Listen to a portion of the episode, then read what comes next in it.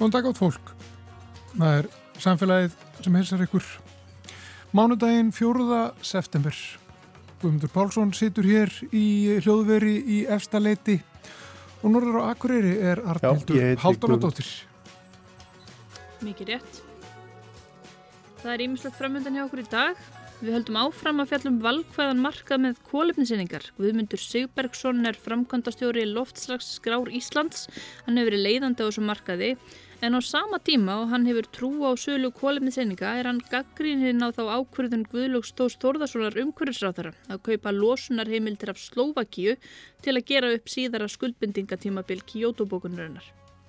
Og við heimsækjum þjóðskjálasafn Íslands á eftir. Eh, þar hittu við Ólaf Valdimar Ómarsson skjálavörð.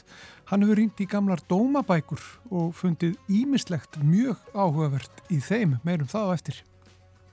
Og svo kynum við okkur starfsemi hotlvinna samtaka sjúkrahúsins og akureyri sem að nýlega átti 10 ára amali og gaf spítalunum sem á bráðum 150 ára amali nýja Riksjá. Við spjöldum við Jóhannes G. Bjarnarsson íþróttakennara, fyrrum bæjafulltrúa framsóknar og formann stjórnar hotlvinna samtíkana. En við byrjum á kólefniseiningum.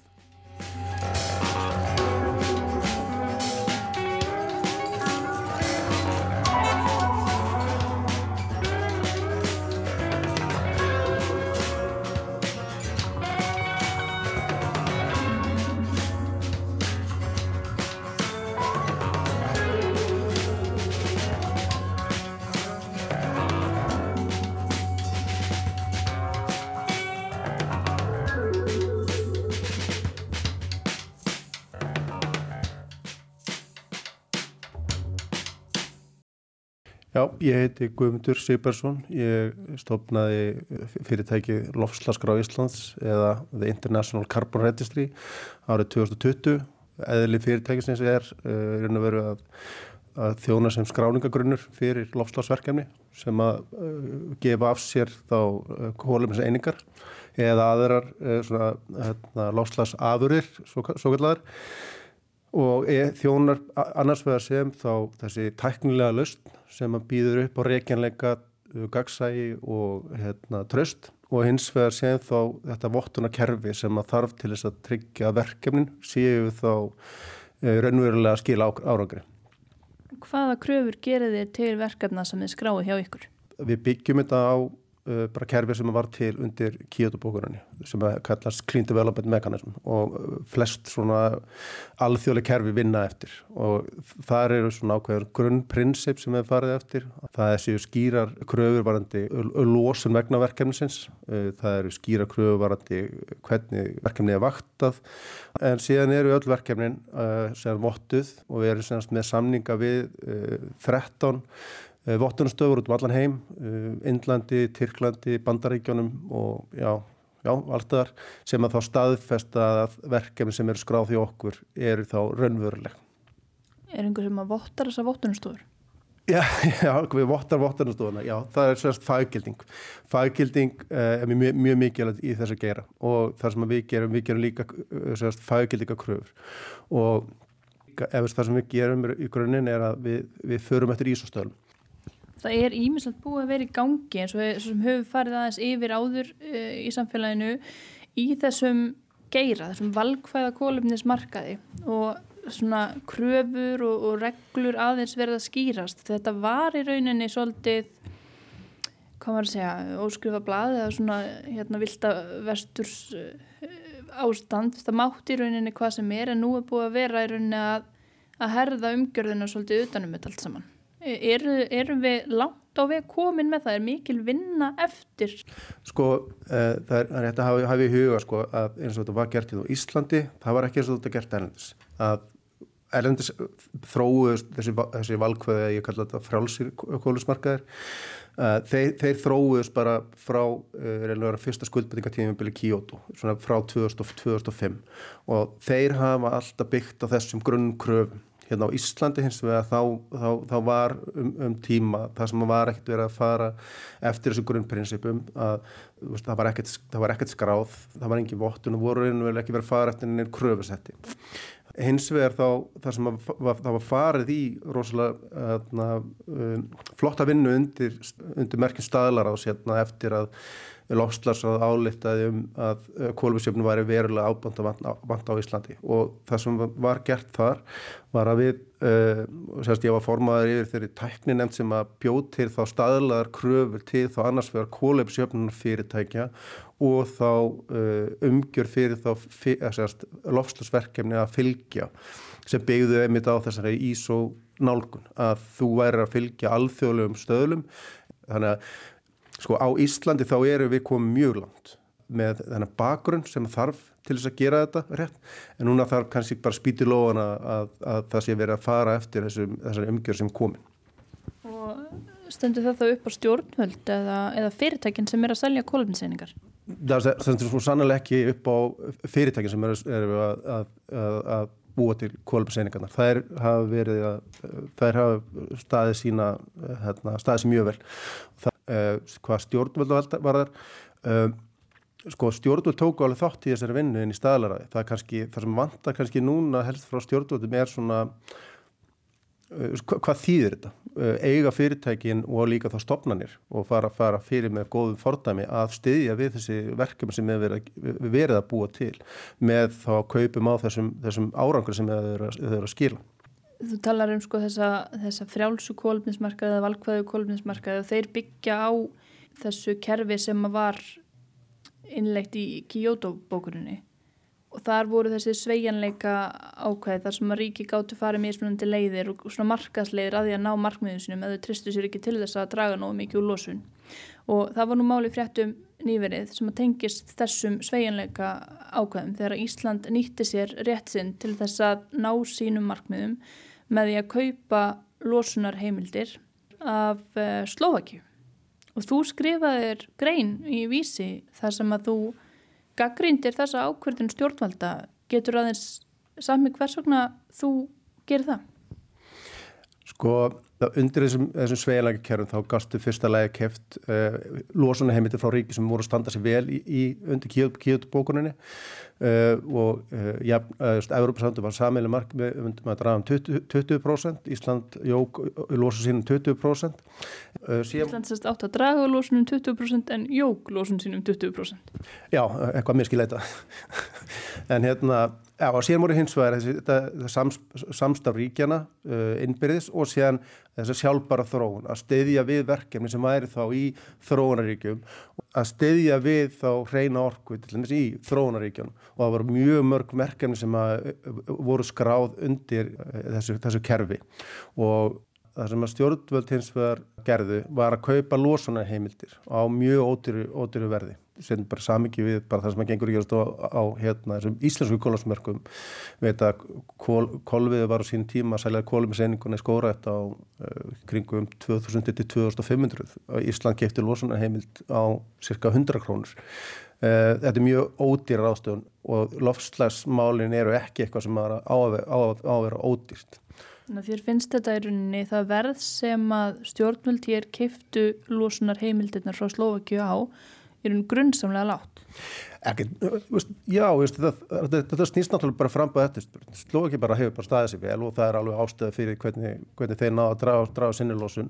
Hvernig náðu þeir því? Eh, þeir, það var náttúrulega eh, einhver kólu orkuver sem voru, voru, voru stöðið eftir fall uh, Sovjetríkjana og þannig að það eru svona ákveðnar, ákveðnar ástöða fyrir því.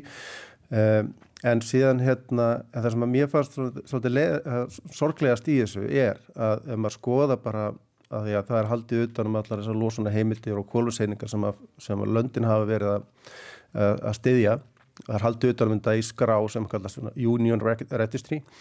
Og það er sorglega að sjá að í, í Union Registry fyrir Ísland þá er bara, það er bara tómblað að Ísland hefur ekki tekið þátt í neinu, neinu verkefni í þróunaríkjum það hefur ekki farið neitt samstafið til landana Ísland hefur hérna við hefum búin í gegnum orkuskipti. Það er gríðarlega þekking á á hvernig við förum í gegnum hérna, já, orkurskipti og getum stuð, stutt við hérna, verkefni sem eru í vassafl eða, eða, eða hérna, jarðvarma uh, að hafa ekki tekið þátt í þessu verkefni. Nú erum við í konar svoleiðis verkefnum og í jarðvarma verkefnum og oft verið talað um þau en þau hafa bara ekki fallið þó undir þetta. já, vantarlega ekki verið í, í þessum, undir, undir þessu kerfi að þetta er svo lýsandi kerfi hérna, fyrir þá árangur í loslasmálum að það telur þá til þá uh, markmiða heimsins. Uh, síðan, uh, við séum til líka bara samhengi við það sem að Norrlöndi gerði að flest stóði sér mjög vel.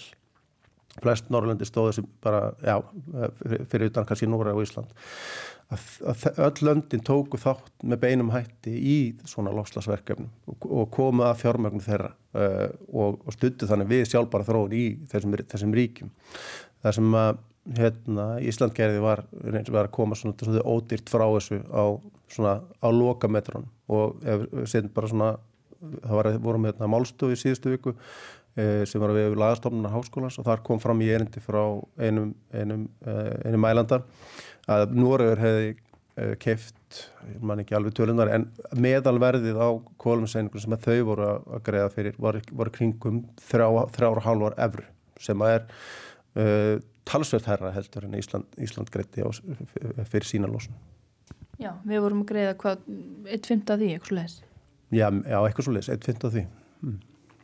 Og sko, þú talar um þessi verkefni sem að Norðurlundin, eða þess að það var farið annars staðar og Norðurlundunum var farið í verkefni með þróunulundunum og það var þá ekki bara til þess að ná þessu markmiði með til þess að tryggja sér einhverjar heimildir heldur var þetta svona eitthvað sem var ráðist í þá með það fyrir augunum að, að íta undir árangur í lostasmálum en hafa líka upp á að hlaupa ef að aðgerðir heima fyrir þess að draga úr losun myndi ekki duga til nákvæmlega. Og þetta er bara, bara, bara einflöndi áhættistýring eins og hérna, eins og held að ég hef bent á í greinni var gríðalegur hagvestur hérna, eftir, eftir hrjón á árunum 2011 til 2019 framfram að COVID. Og Elmar Svangvand það var rosalega, það var það reyndar náðu við hérna, að standa svolítið í stað í lósun en það, þá hefði nú verið lag að fara einmitt, taka þátt í svona verkefnum til þess einmitt að eiga, eiga upp á hlaupað þegar kemur skuldutöfum. Ég hefði viljað sjá þetta og, að, og líka því að það er, það er svo mörg verkefni sem eru þarna úti sem að sem hafa kost á því að fara í gegnum vottunarferðli og, hérna, hafa, og eru búin að uppfylla þessar CDM kröfur að, að stiði ekki freka við þau þeir, í, í þessum löndu þar sem þau vera, vera implementaraði þannig að þau geti þá skalast upp og það er einmitt markmið með þessu, með þessu hérna, CTM kerfi og, og, og þessu, þessu frálsum kólusmörkum er að, að stuðla að hraðari uppbyggingu á þessum, þessum, þessum láslaslausnum. Það er, það fannst mér sorglega stíðis. En er þetta, hefur þetta líka eitthvað með þína eða ykkar viðskipta hagsmunni að gera þetta er í þessum verkefnum? Sko, við, erum ekki, við erum ekki þessum verkefnum. Þessi, þessi CTM verkefni, þau eru ekki hjá okkur. Þannig að, veist, nei, ekki, þetta hefur ekki með veist, okkar hagsmenn að gera. Bara varðandi þá, því þú nefnir líka og nefnir fleiri atriði varðandi lofslagsstefnu stjórnvalda svona gegnum tíðina og til dæmis það að við erum að hafa mikla tekjur af ETS-kerfinu eh, e sem er fyrir stóriðuna, svona losunar heimildakerfi fyrir stóriðuna og, og Evrópuflugið uh, sko stefna stjórnvalda bara almennt í lofslagsmálum síðustu ár uh, finnst þér hún alveg glötuð? Já, stefnan er kannski alveg bara flott en kannski aðgerðalýsi Þannig að í orði er hún ágætt Já, Já og það er eins og bara sínir sér núna í, í, bara þegar kemur að skuldatöfum að 2012 þá, þá var farið í það að gangast undir sambarlega eða sömu skuldbyrðingar á annir Európaríki að draga á lósunum 20% og nú eru, nú eru á þeim stað að við auki lósunum 20%, 20%. þannig að kannski, kannski að, aðgerleysið og uh, hérna, að það þarf að fylgja þessu fast eftir og nú er það strax eftir COVID þá erum við strax byrjuð að losa, hérna, auka lósun áttur Hvernig finnst þér þá horfurnar þegar kemur að parsamkomuna hennu?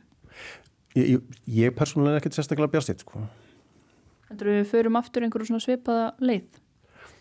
Ég vona ekki að að það verður mun, mun, mun dýra. En það var einmitt að talað um það sko, þetta yrðir ósað dýrt, þessar losunar heimildir vegna uppgjörs setna eh, Kyoto tímubilsins þá búið að vera svona í umræðinni að það svona vofði yfir stjórnvöldum óleg, ja, sekt eins og stundum var talað um, en það reyndist bara alls ekki draunin, þannig að geta þau ekki bara treyst á það aftur að að geta retta sér ódýrt fyrir, fyrir 2030?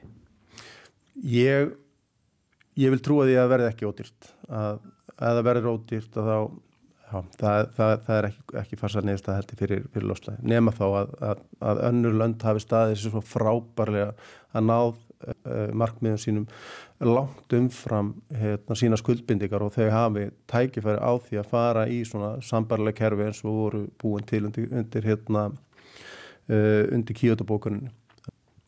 Og í greininni sem skrifaði hérna í, í vísi það talaru mikið um að aðalatriði sé að draga úr losun. Það er að vera í, í fyrsta sæti en nú starfar þú í geira það sem að í rauninni er ekki verið að horfa mest á það heldur verið að horfa það að jafna þá losun sem að fyrirtæki þó hérna losa, eða það sem að fyrirtæki þó losa skýtu það ekki svolítið skökku við eða af hverju ertu í þessum kólöfnisjöfnun að gera? Já, þetta tengis kannski bara svolítið inn í þá, þá vinnur sem við vorum inn í staðláni að þar fórum við að þar hættum við mikið um hvað, hvað er kólumsjöfnun og kólumsjöfnun er ekki eitthvað að, að kaupa sér frá vandan að e, ef að þú ætlar að halda fram e, kólumsjöfnun að þá þarf þú að vera með e, í þessu kröfusetti sem við byggum til. Að þú ætlar að vera með raun hafa stefnu í að draga úr losun inn, inn, inn á við. Þú þarfst að vera með hérna, raunafa áallin um hvernig þú ætlar að ná þessum markmiðum og síðan þá þarfst þú að annarkvort að fjár, fjármagna verkefni, ja, fjármagna verkefni að þú stiðjir við verkefni að því að annars, annars fyrir með kaupum á kólumins einingum sem eru svo kvöldaði ex post það eru þá raunverulega kólumins svolítið eins og þessar einingar sem uh, er undir, CTM eða þá með þessum exanti uh, kaupum einingum þar sem þú vart raunverulega að styðja við þá uppbyggingu á verkefnum. Já, einingar í byggð. Eining, já, einingar í byggð og það, þannig, þannig trúum við að, að, að, hérna, að við náum árangri að fyrirtæk, að það er ekki bara að kólumsjöfna, að það er, það er að verum trúveru áhættin um samdrátt í losun. Og maður skilur sko uh, að það er ekki hægt að koma í veg fyrir alla lósun, það er bara ekki hægt. Það verður alltaf einhver lósun sem fylgir mannkynnu og þá náttúrulega er mitt um að gera binda á móti, en ég veldi fyrir mér sko það að svona kólefnisjöfnun sé yfirleitt möguleiki að það er alltaf talað um þetta er svolítið loðið. Fyrst reynir fyrirtækið að minga lósun sína eins mikið og undir hvað þýðir það? Þýðir það eins mikið og er hakkvæmt fyrir það eða faraði alveg niður að bara sársöka mörkunum í, í rekstri. Það er svona þetta sem ég velti fyrir mér. Já, er, þetta er mjög góð spurning þetta er mjög góð spurning. Að hérna, já, hvar, hvar, hvar liggja, liggja mörkin? Að það er náttúrulega er, hérna, það er náttúrulega líka komin svona ákveðin kerfi eins og Science Based Target Initiative og þetta er að vera svona það hafa alltaf verið eh, fókusin hefur svo mikið verið á að vera með vottuð verkefni þegar þetta kólum sjafna kröfur til, til verkefnina ég heldur þau líka bara svolítið að horfa á hverjar kröfun til fyrirtækjana bara þurfu ekki verið að skýra kröfur um aðgeri, aðgeri fyrirtækja og stofnana þegar það kemur að, að samdrættinum í, í lósun hvar veist, veist, hvað er nóg og hvað er veist, ekki nóg Einmitt, það, er, það var áhugart að sjá það. Já. Takk fyrir spjallið. Já, sumulegs.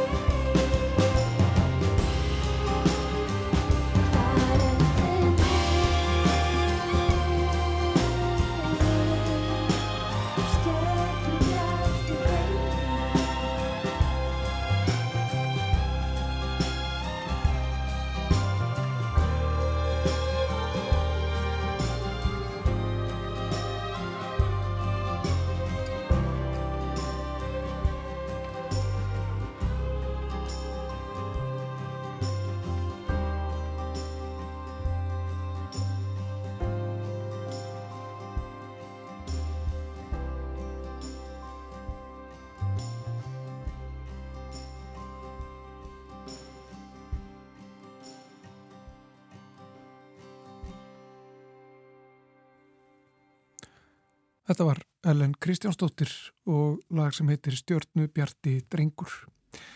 En norður á Akureyri situr Arnildur Haldanadóttir. Uh, Einmitt. Er ekki, hef, er ekki hefð fyrir því að spurja sko, hvernig veðrið er fyrir norðan? Jú, ég ætlaði bara að fara að segja þetta í, í, í hérna, óspunum fréttum að það er þetta blíðskapar veður á Akureyri eins og eins og Akureyringar eru mikið að gorta sig af, er það ekki? Ekki hefð fyrir því? Jú. Einmitt. Svolítið svaldrendar, kannski komið svolítið haust, má segja það, hann komið september. Já, en það er innistæða fyrir, fyrir uh, því að, að tala um það að sé alltaf gott viður þar. Það er minnst að kosti í dag þannig. Það er allavega þannig í dag, mjög fallit viður. Já. En þá ætlum við að, að spjalla við hann eh, Jóhannes G. Bjarnason, íþróttakennara fyrir bæjarfulltrúa framsóknar og formann stjórnar Hollvina samtaka sjúkrahúsins á Akureyri. Ég hitti hann hérna áðan í þessu húsi sem að Rúf er með núna en, en var áður framsvonnar húsi þannig að hann kannast vel við sig hérna og spjallaði við hann um hotvinarsamtökin.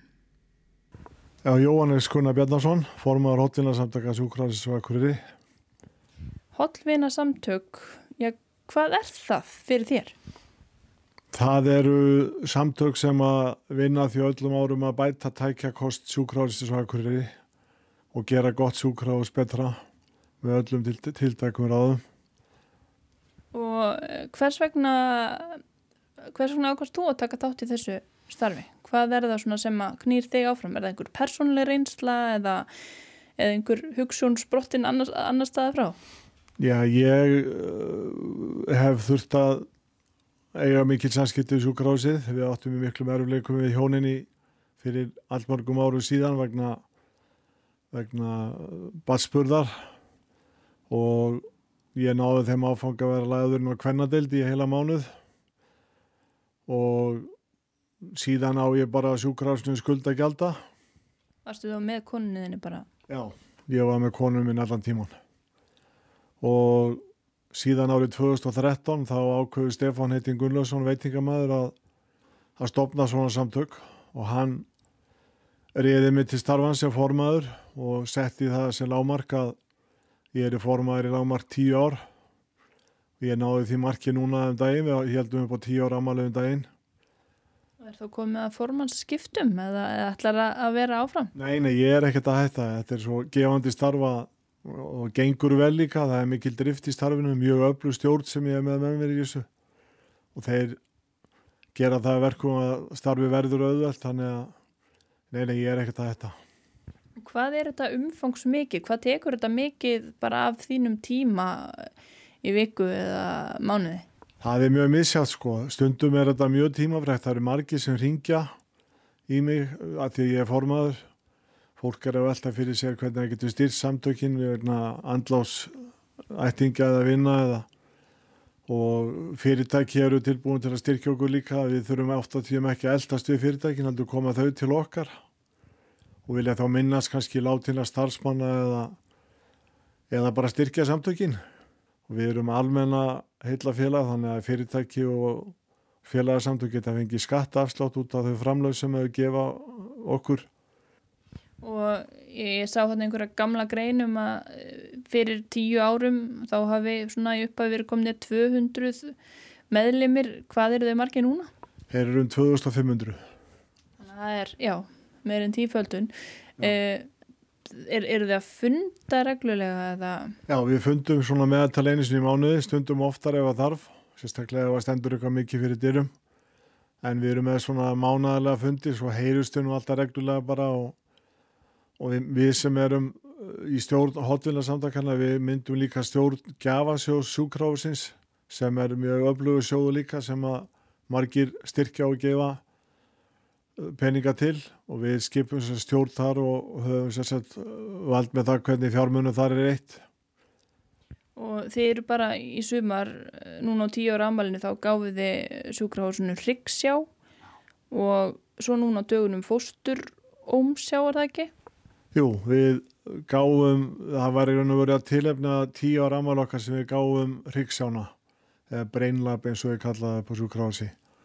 Það er okkar stærsta verkefni yngar til, kostaði liðlega 40 miljónir og Ríksjána sem við gáum núna í síðustu viku kostaði einhverja 13, þannig að þetta er komið upp í á 72 miljónar sem við gefum núna á stuttum tíma og stýttist í næstu stóru gjöf líka því að fjáröflum gengur afskaplaði vel. Hvað er þá á, á kauplistanum? Þá ætlum við að gefa spekluna skurðtæki. Þau eru komin til ára sinna tæki sem eru alltaf núna en við viljum endur nýja þau og gefa eitt sett af þeim á sjúkrahúsið. Og hvernig er samstarfinu við sjúkrahúsið háttað og svona ákvarðanutökunni þegar þeir eru að ákveða hvað við ætlum að kaupa næst? Er bara einhver óskalisti sem að liggur frammi frá spítalanum eða hafið þið sjálf áhrif á það hvað, hvað gengur fyrir og þá kannski bara út frá ykkar reynslu eða hvernig, hvernig virkar þetta? Sko algengast er þetta þannig að uh, fóstur í lækninga á spítalanum, hann kemur með hugmyndir að næstu tækju sem við kaupum. Og er þá búin að heyra í uh, sínum fólki. En við fáum líka alveg beinir frá deildónum bara beint. Og við reynum að verða við þeim sérstaklega ef það er ekki marga miljónir einu og núna til við slikja fyrir eina þrjár beinir sem við reiknum með að geta orðið við sem að er að hlaupa á nokkru miljónum hver. En eins og ég segi fjáröflum gengur mjög vel þannig að við getum orðið við flestum ósku sem við fáum. Og sko hlutverk svona, svona holvina samtaka þeir eru að koma með raunverulega fjármunni inn í reksturinn og þetta hefur raunverulega þýðingu en á móti kemur síðan að spítalinn er náttúrulega fjárlugum og að fá, fá hérna, það er ríki sem má að halda þessum rekstri uppi hvernig virkar þetta svona saman? Er þið einhverju leiti að verða svona hækja sem að, sem að ríki fer þá að treysta og, og dregur úr fjárveitingum eða hvernig, hvernig vinnur þetta saman? Nei, ríki hefur ekki dreiguð fjárveitingum til tækjakaupa. Við lítum á þetta bara sem tækifæri til þess að útbúa spítalan allra nýjust á bestu tækjum á sem flestum deildum og bursið frá því hvað ríki gerði þó að myndi auka fjárveitinga þá myndi við alltaf halda okkar starfi áfram því það er tækni þróun er svo ör í tækjabúnaði fyrir spítalan að, að við höfum alltaf nóg að gera við endun í að tæki þó svo að ríki standi sína plikt sem þeir gera þokkalega. Finnst þér þetta þá í rauninni, sko, er þetta nöðsynlegt? Veistu, gerðu þau grein fyrir því hvar spítalinn stæði ef að ykkar neti ekki við? Já, hann væri ekki eins velstattur eins og hann er núna og auðvitað er það kannski líka mæli hvarði á það að tæki sem við höfum gefið hafa bjarga mannslífum og kannski best að nefna svo kalla uh, ferðafóstru sem við gáum sem er svona gjörgæslu eining fyrir nýbura sem fæðast og svo tækja samsetning hefur bjargað fleiri en einu barni og það er reynum veru meira en ótrúlega hverja mann til áfram til starfa næsta árin. Já, það er góð tilfinning. Það er svo besta tilfinning bara sem að getur fengið að hafa komið að því að bjarga mannslífum, við talum ekki um barnslífum. Þannig að þetta er bara, já, kannski eitthvað sem að, já, spítali sem á ekki hólfina samtök, hann er kannski bara, já, ekkert, ekkert í sérstaklega góðum málum. Ég, ég segi það nú ekki en ekki eins góðum málum eins og spítalin er í núna vegna okkar tækjaköpa, alveg klárlega og Við höfum staðið fyrir á bestu áranum, þá hefur okkar framlög verið um þriðjungur að tækja köpum sjúkrásins á, á ári og það munar náttúrulega minna.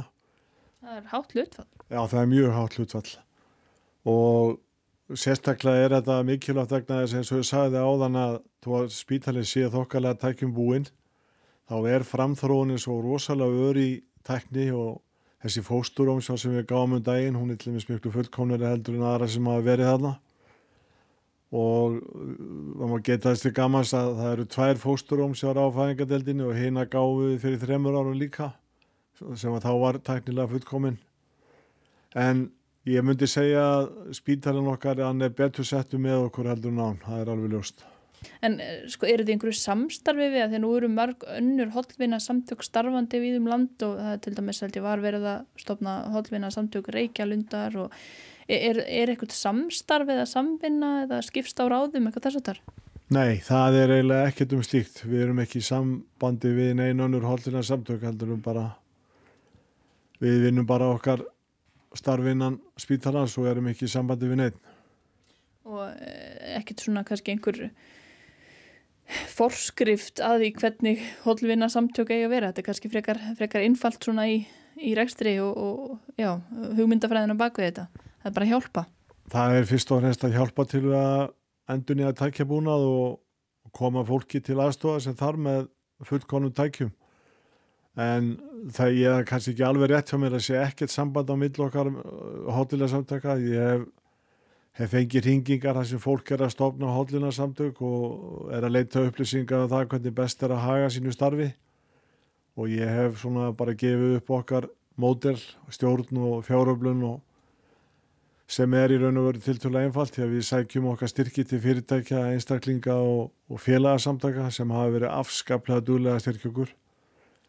Og má nefna sem dæmi að þeirri gáðum fóstur og umsjálfum daginn þá var stóri parturinn af þeirri upp að það var gefin að kvennfélögum hérna á sveðinu sem að ég held að hvert einasta kvennfélög hérna bara í, í fjórðuglum hafi lagt fram einhverja fjármunni til kaupa fóstur og umsjálfum þannig að það var fljótt gert að sapna fyrir því dæki og þegar að fólk er að gefa, þegar fólk kannski mitt að missir einhvern eða hefur sjálft uh, þurft á þjónustu spítalans að halda og finnur þá kannski helst fyrir þörfinni til þess að gefa fyrir í, í starfseminna er það að, að binda fjármagnir sem það gefur við ákveðnar deildir eða fer þetta bara allt í, í eina púlíu og, og þið deilir svo út til þeirra verkefna sem eru efst á, á forgangslistanum eða hefur fólk eitthvað að segja sjálft um hvar, hvar krónundar enda? Já, já, það eru uh, nokkuð mörg dæmum það að fólk hefur vilja gefa til einstakra deilda á spítalanum sem að það sem að fólk hefur annarkot leiðið sjálft eða ættingar er að hafa verið.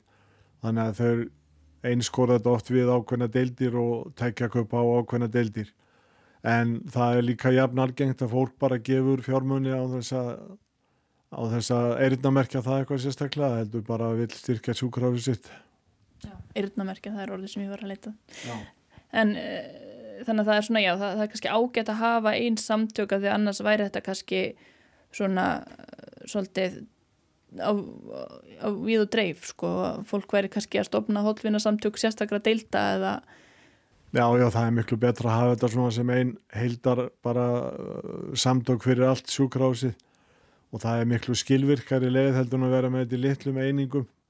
Okkur gengur fjáröflun mjög vel vegna þess að við erum sitjum í raun og veru eina að þessu má, má segja, það er engar aðrar nefnum náttúrulega gefasjóðurinn sem við stjórnum líka en þetta er mjög farsalt að hafa þetta í, því formi sem það er í dag.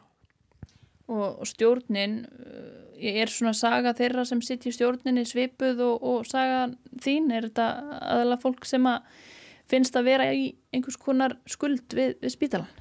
Það er bara misjáft. Sumir eru þarna vegna þess að þeir telja sig að spítalanum skulda gælda en aðrir eru þarna bara á öðrum fórsendum og, og hafa bara uh, eftir beini annarkot frá mér eða öðrum stjórnarmælum tekið sætt í stjórninni. En við erum með tíu manna mjög öfluga stjórn, mjög svona breiðan og, og fjölbreytjan hóp manna sem hefur sambönd við það þannig að þetta er í mjög góða horfis og staðan er í dag. Þú er nú fyrrum pólitíkus eða þú lítur ekki svo að þetta sé pólitist starfi eða hvað? Nei, það er sko langu vegu þar frá. Þetta er fyrst og fremst bara gefandi starf sem að gefur gott í hjarta bara, að geta komið til hjálpar og, og bætt tækja hvað sjúkrálsins, þannig að skjólstæðinga þess njóti sem besta þjónustu. Já, engin ángi af svona framsóknarlegri samvinnu hugssjón þarna. Jú, jú, þetta er náttúrulega samvinna, við vinnum vel saman innan stjórnarinnar og þetta svo sem harmonerar ágætlega við eh, framsvokna samvinnustefnuna sem ég var nú fyrir í mörg ár en pólitík kemur hvergi nála þessum samtökum og við erum úr öllum flokkum og, og öllum geirum pólitíkusana sem eru hann inn í stjórninni. Aðeins að lókum bara svona stóru myndina sko að þú segir að ríkið hafi ekki dreyið úr fjárvettingum sínu, það er ekki farið að hérna, líta svo á að þið skaffi bara og, og það geti spara við sig En er þetta eitthvað sem mætti yfirfæra þínum að þetta á fleiri svið eh, samfélagsins? Mættu vera hérna holdvinarsamtök skóla eða holdvinarsamtök sundlug eða þetta engunga vera bundi við sjúkrastofnanir? Og hvenar í rauninni fer þetta yfir mörkin þannig að sko ríkið er farið að kannski fá einhvern afslátt sem það ætti ekki að fá? Sko ég vil binda þetta við fyrst og fremst svona heilbriðistofnanir sem að er að hjálpa veiku fólki og fólk er að leita sér lækninga hjá og, og ég myndi segja hotvinnafélag skóla og svo framvegist að það uh, á bara að vera á framfæri hins ofinbera. Ég set svona ákveði mörg við það. En fyrst og fremst lítið á það sem svona eðlilegan farveg að hotvinnarsamtök séu fyrir þess að heilbriðistofnanis fyrst og fremst sem að reyða sig jafnvel á það að fá fullkominn tæki með framlögum frá hotvinnarsamtökum.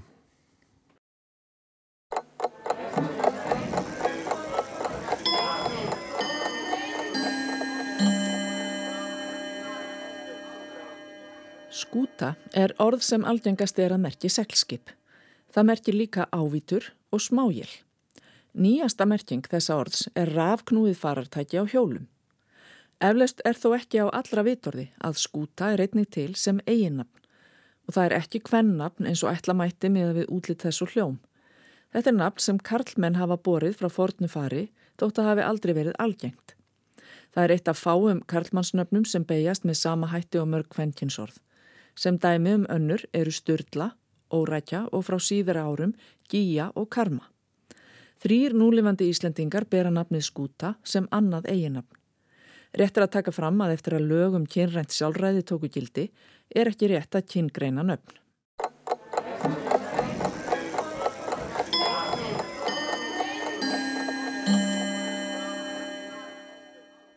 Það var annars yfir þráinsdóttir sem hafði umsjón með málfarsmínutun ykkar að vanda.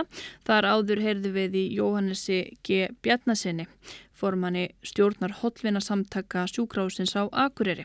En næst ætlum við að heimsækja þjóðskjálasafn Íslands. Ég sýt hér inn í fundarherbergi, eða fundarsal eiginlega, í þjóðskjálasafn Íslands. Og hingar í komin eins og svo ofta mánudögum til þess að fræðast um það sem að er til hér í uh, safninu og hvað er, hvað er uh, svona verið að, að, að skoða hér, hvað fólkið hérna er líka að grúska. Og hér er Ólafur Valdemar Ómarsson, skjálavörður.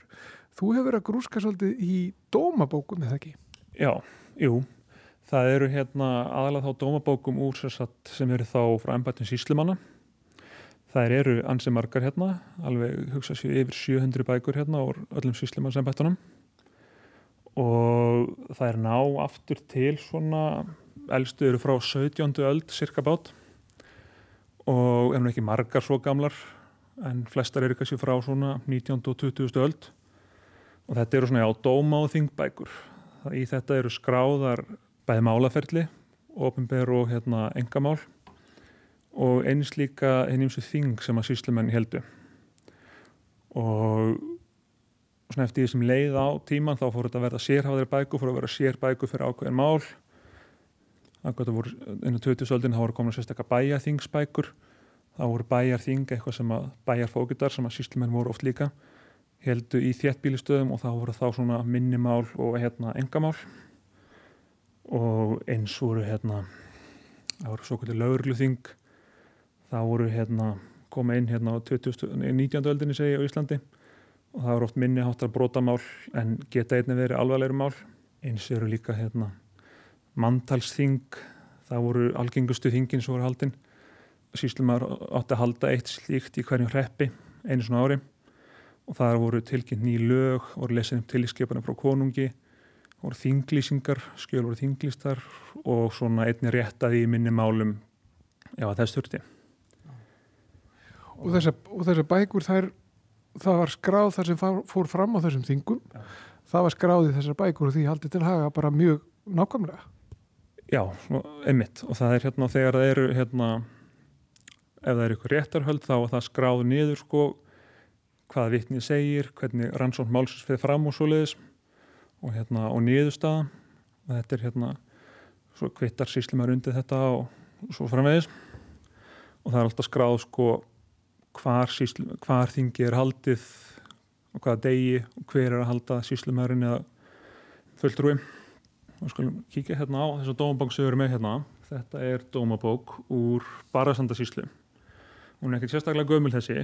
Hún er frá 1947 og við sjáum hérna á fyrstu síðu að sendur hérna bók þessi sem er 300 síður uh, gegnum dregin það er hérna band sem að liggur í gegnum alla síðunar og svo er hún innsikluð hérna öftu þessu síðu, bandið fest í innsikli þetta er innsikli frá Dóms- og kirkjumálaröðanitinu og þetta er bara svona, svona eins og við þekkjum sko dæmigert innsikli svona það er þetta lakk hérna, þetta rauð það lakk, innsiklis lakk og, og þessi spotti sem er dreyin í gegnum já, já. og svo stendur bara, það er bara greinlega verið einhvern veginn stimplað á Dóms- og, og kirkjumálaröðandið og þetta er til þess að tryggja það að hérna, bókin sé heil sko. þú getur ekki að lauma inn auka síðum eða taka þér úr sko. mm -hmm. og við flettum inn í gegn það eru númerar allar síðunar sko. þannig að ef það hefur ykkur áttu bókina þá er hægt að sjá það og þessi bók hún er vottu sig som góðlega lauruglu þingbók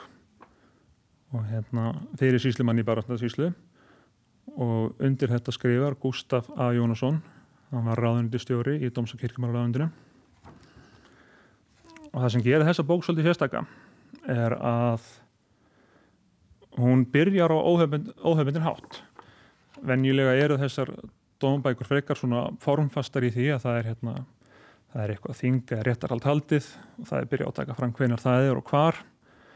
En þessi bók byrjar eiginlega á svo kvöldu á svona hálgeri dagbúkafæslu frá síslimanni sem hefst á því að hann skrifar hérna í upphafi Rétt fyrir líka 12, förstdægin 12. des 1947 var ég undirritaður að byggja um símasamband við Kroksfjaranes. sagði símastúlkan mér að ekki væri strax hægt að fá samband vegna stöðugra hrað og forgangssamtala Slísavarnafélags Íslands við Sörbæ og Rauðsandi og Haga á Baraströnd. Enskur tógari hafiði hafi myndi vera strandaður næri stálfjalli eða skór. Og nú eru kannski einhverju sem að hérna, þekkja skipströnd sem að kannast við þessar dagsetningar. Þetta nefnilega er frekar frækt strand. Þetta er þeirra enski tórin dún strandar undir hérna, Látrabjörgi.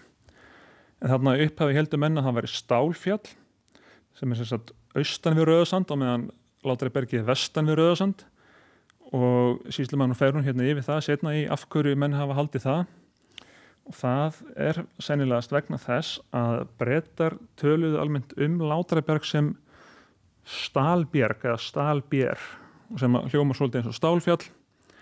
Og þá hafið þau fengið fréttir að þessu fyrst frá breskum, öðrum breskum tógurum og haldið þetta væri Stálfjall.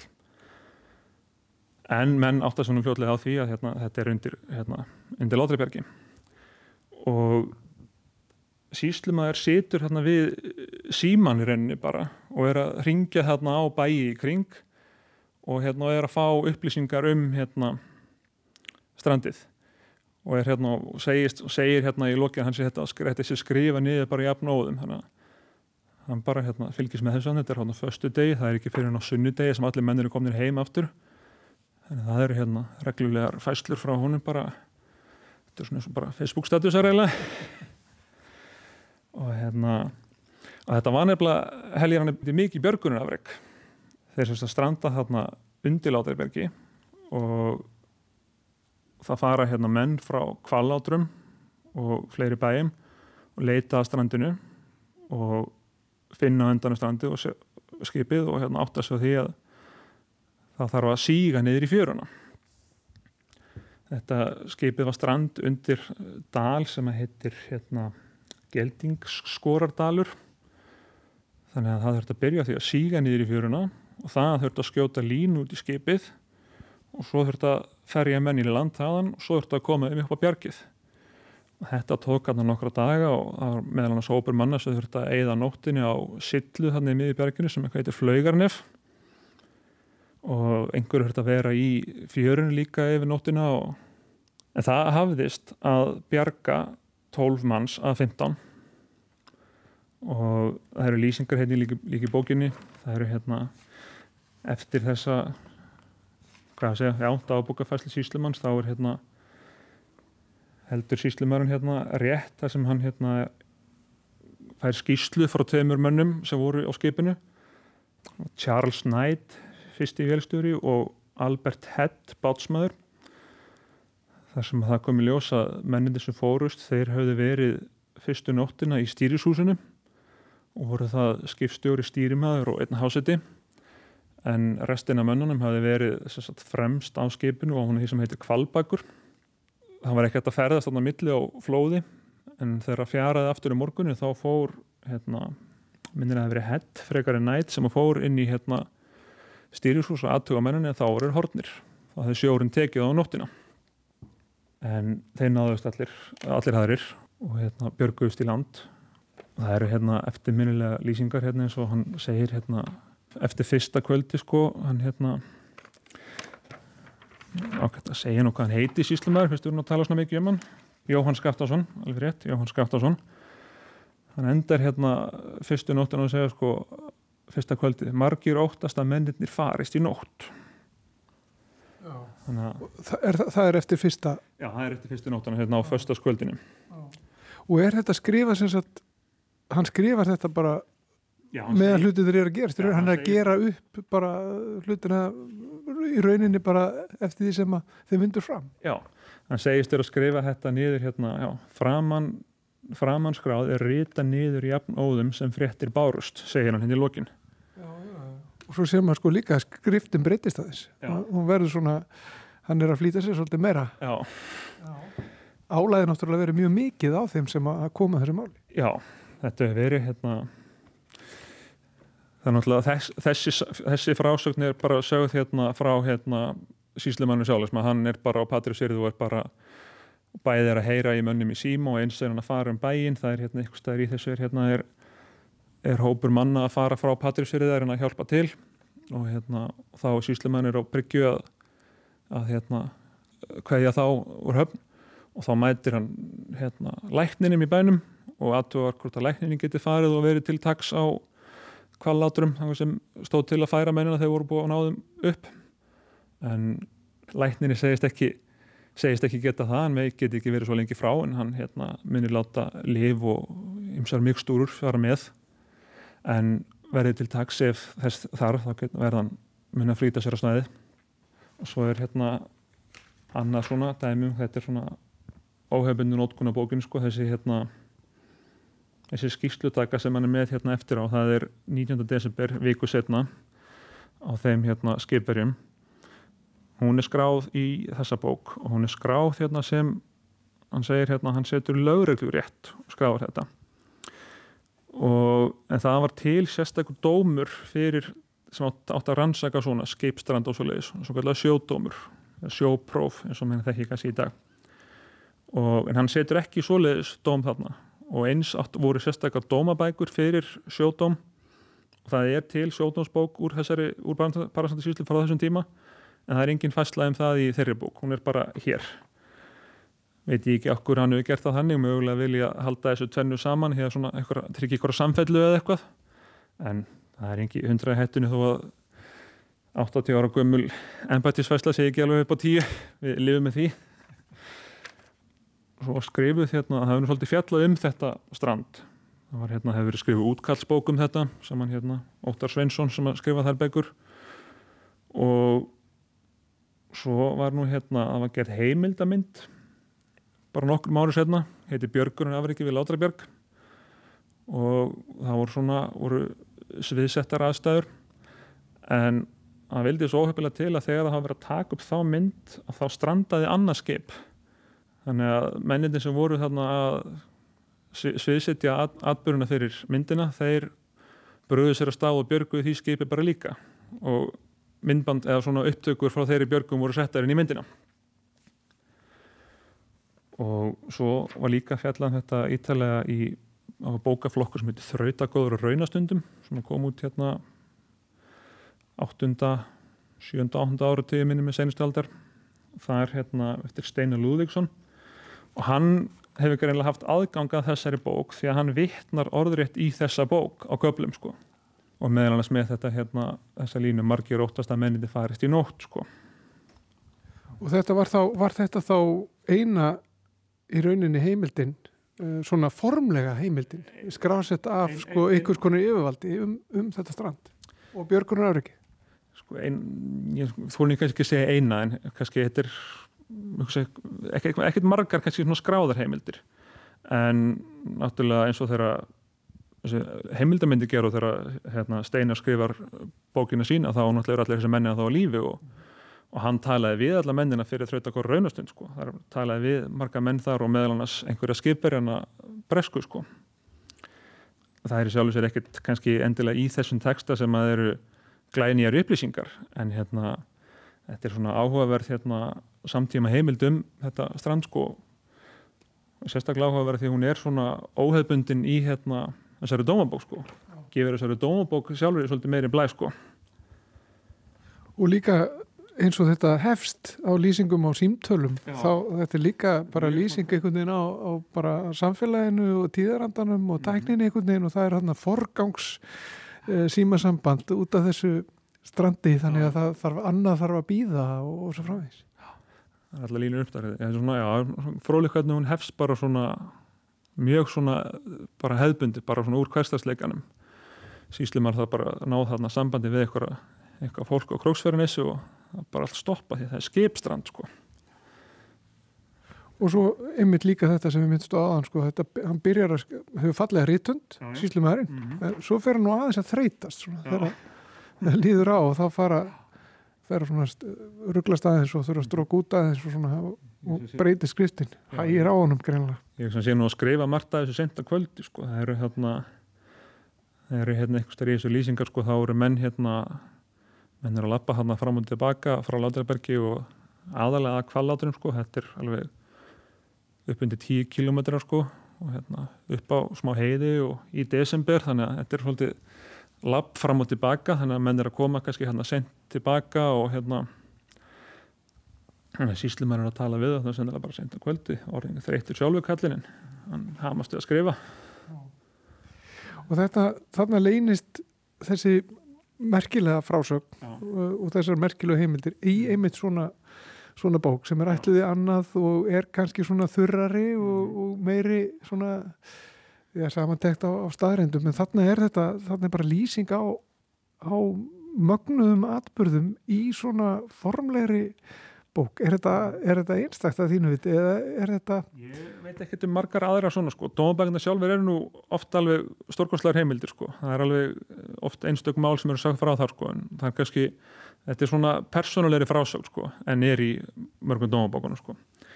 Og hún var svona, ef að segja hún, þetta var svona hálf tínd frásögn hérna innan hún sko. Þetta hérna við hérna, þessi bók kemur hérna, þessi afhending á Sýslimannunum kemur hérna 2009 og hún fær svona grófskráningu til að byrja með sko, svo smátt að vera til bráðabyrða en svo líði tíminn og eins og svo oft vil verða þá eitthvað sem heitir bráðabyrða verður til lengri tíma. Og hérna svo var það bara hérna í hitti fyrir sennilega, þá er ég hérna skráð þetta saman aftur og, og rekst á þetta. Við vissum ekki að þessu hérna allavega innan hún sko. En svo sem var hún ekki tínd frásinn í þeim skilningi að hún hefði verið þarna í bók Steinar Hlúðvíkssonar fyrir 40-50 árum. Þannig að það tekið til að fram í skráningu fyrir þessa, skráningu fyrir þessa bók að í þessari bók sé lýsing á þessu strandi þannig að þetta týnist ekki aftur. Þannig að það, það ykkar starf skjálavarðana sem eruð að grúska í þessu, það getur nú svona leitt af sér ímislegt að ímislegt kemur í ljós og þá að sjálfsögðu þarf að vera sviðrúndið þess og það þarf að vera einhver sem flettir þessum bókum. Já, þetta er allavega, ég allavega átti, átti ekki vona því að finna þessa fráksum þegar ég var að skráða þessa bóku á sín tíma. Ég, hérna, ég held þetta væri bara hérna, hefðbundin dómabók og hann er bara fletti inn til að finna hérna, einhverja tímasetningar á henni, hvenar hún er byrjar og hvenar hún hættir og rekst á þetta sko. Og hérna, það er aldrei að vita hverju maður, hvað tekur á mótum manni þegar maður fer í skjölinn sko. Með það, við skulum bara ljúka því þannig. Ólaugur Valdemar Ómarsson, skjálaförður hér á Þjóðskjálfsafni Íslands. Kæra þakki fyrir þetta. Takk fyrir að segja ykkur á þessari merkilegu frásögn í, í dómabúk frá 1947 úr Barðsranda síslu. Takk fyrir þetta. Takk sem ég leiðis. Og með þessari heimsókn okkar á Þjóðskjálfsafni Íslands ljúku við samfélagi dagsins. Guðmundur Pálsson, þakka fyrir sig hérna úr eftirleiti. Og Artildur úr, er ekki hólabraut, Rúvak. Heyrumst aftur á um morgun. Heyrumst þá, verið sæl.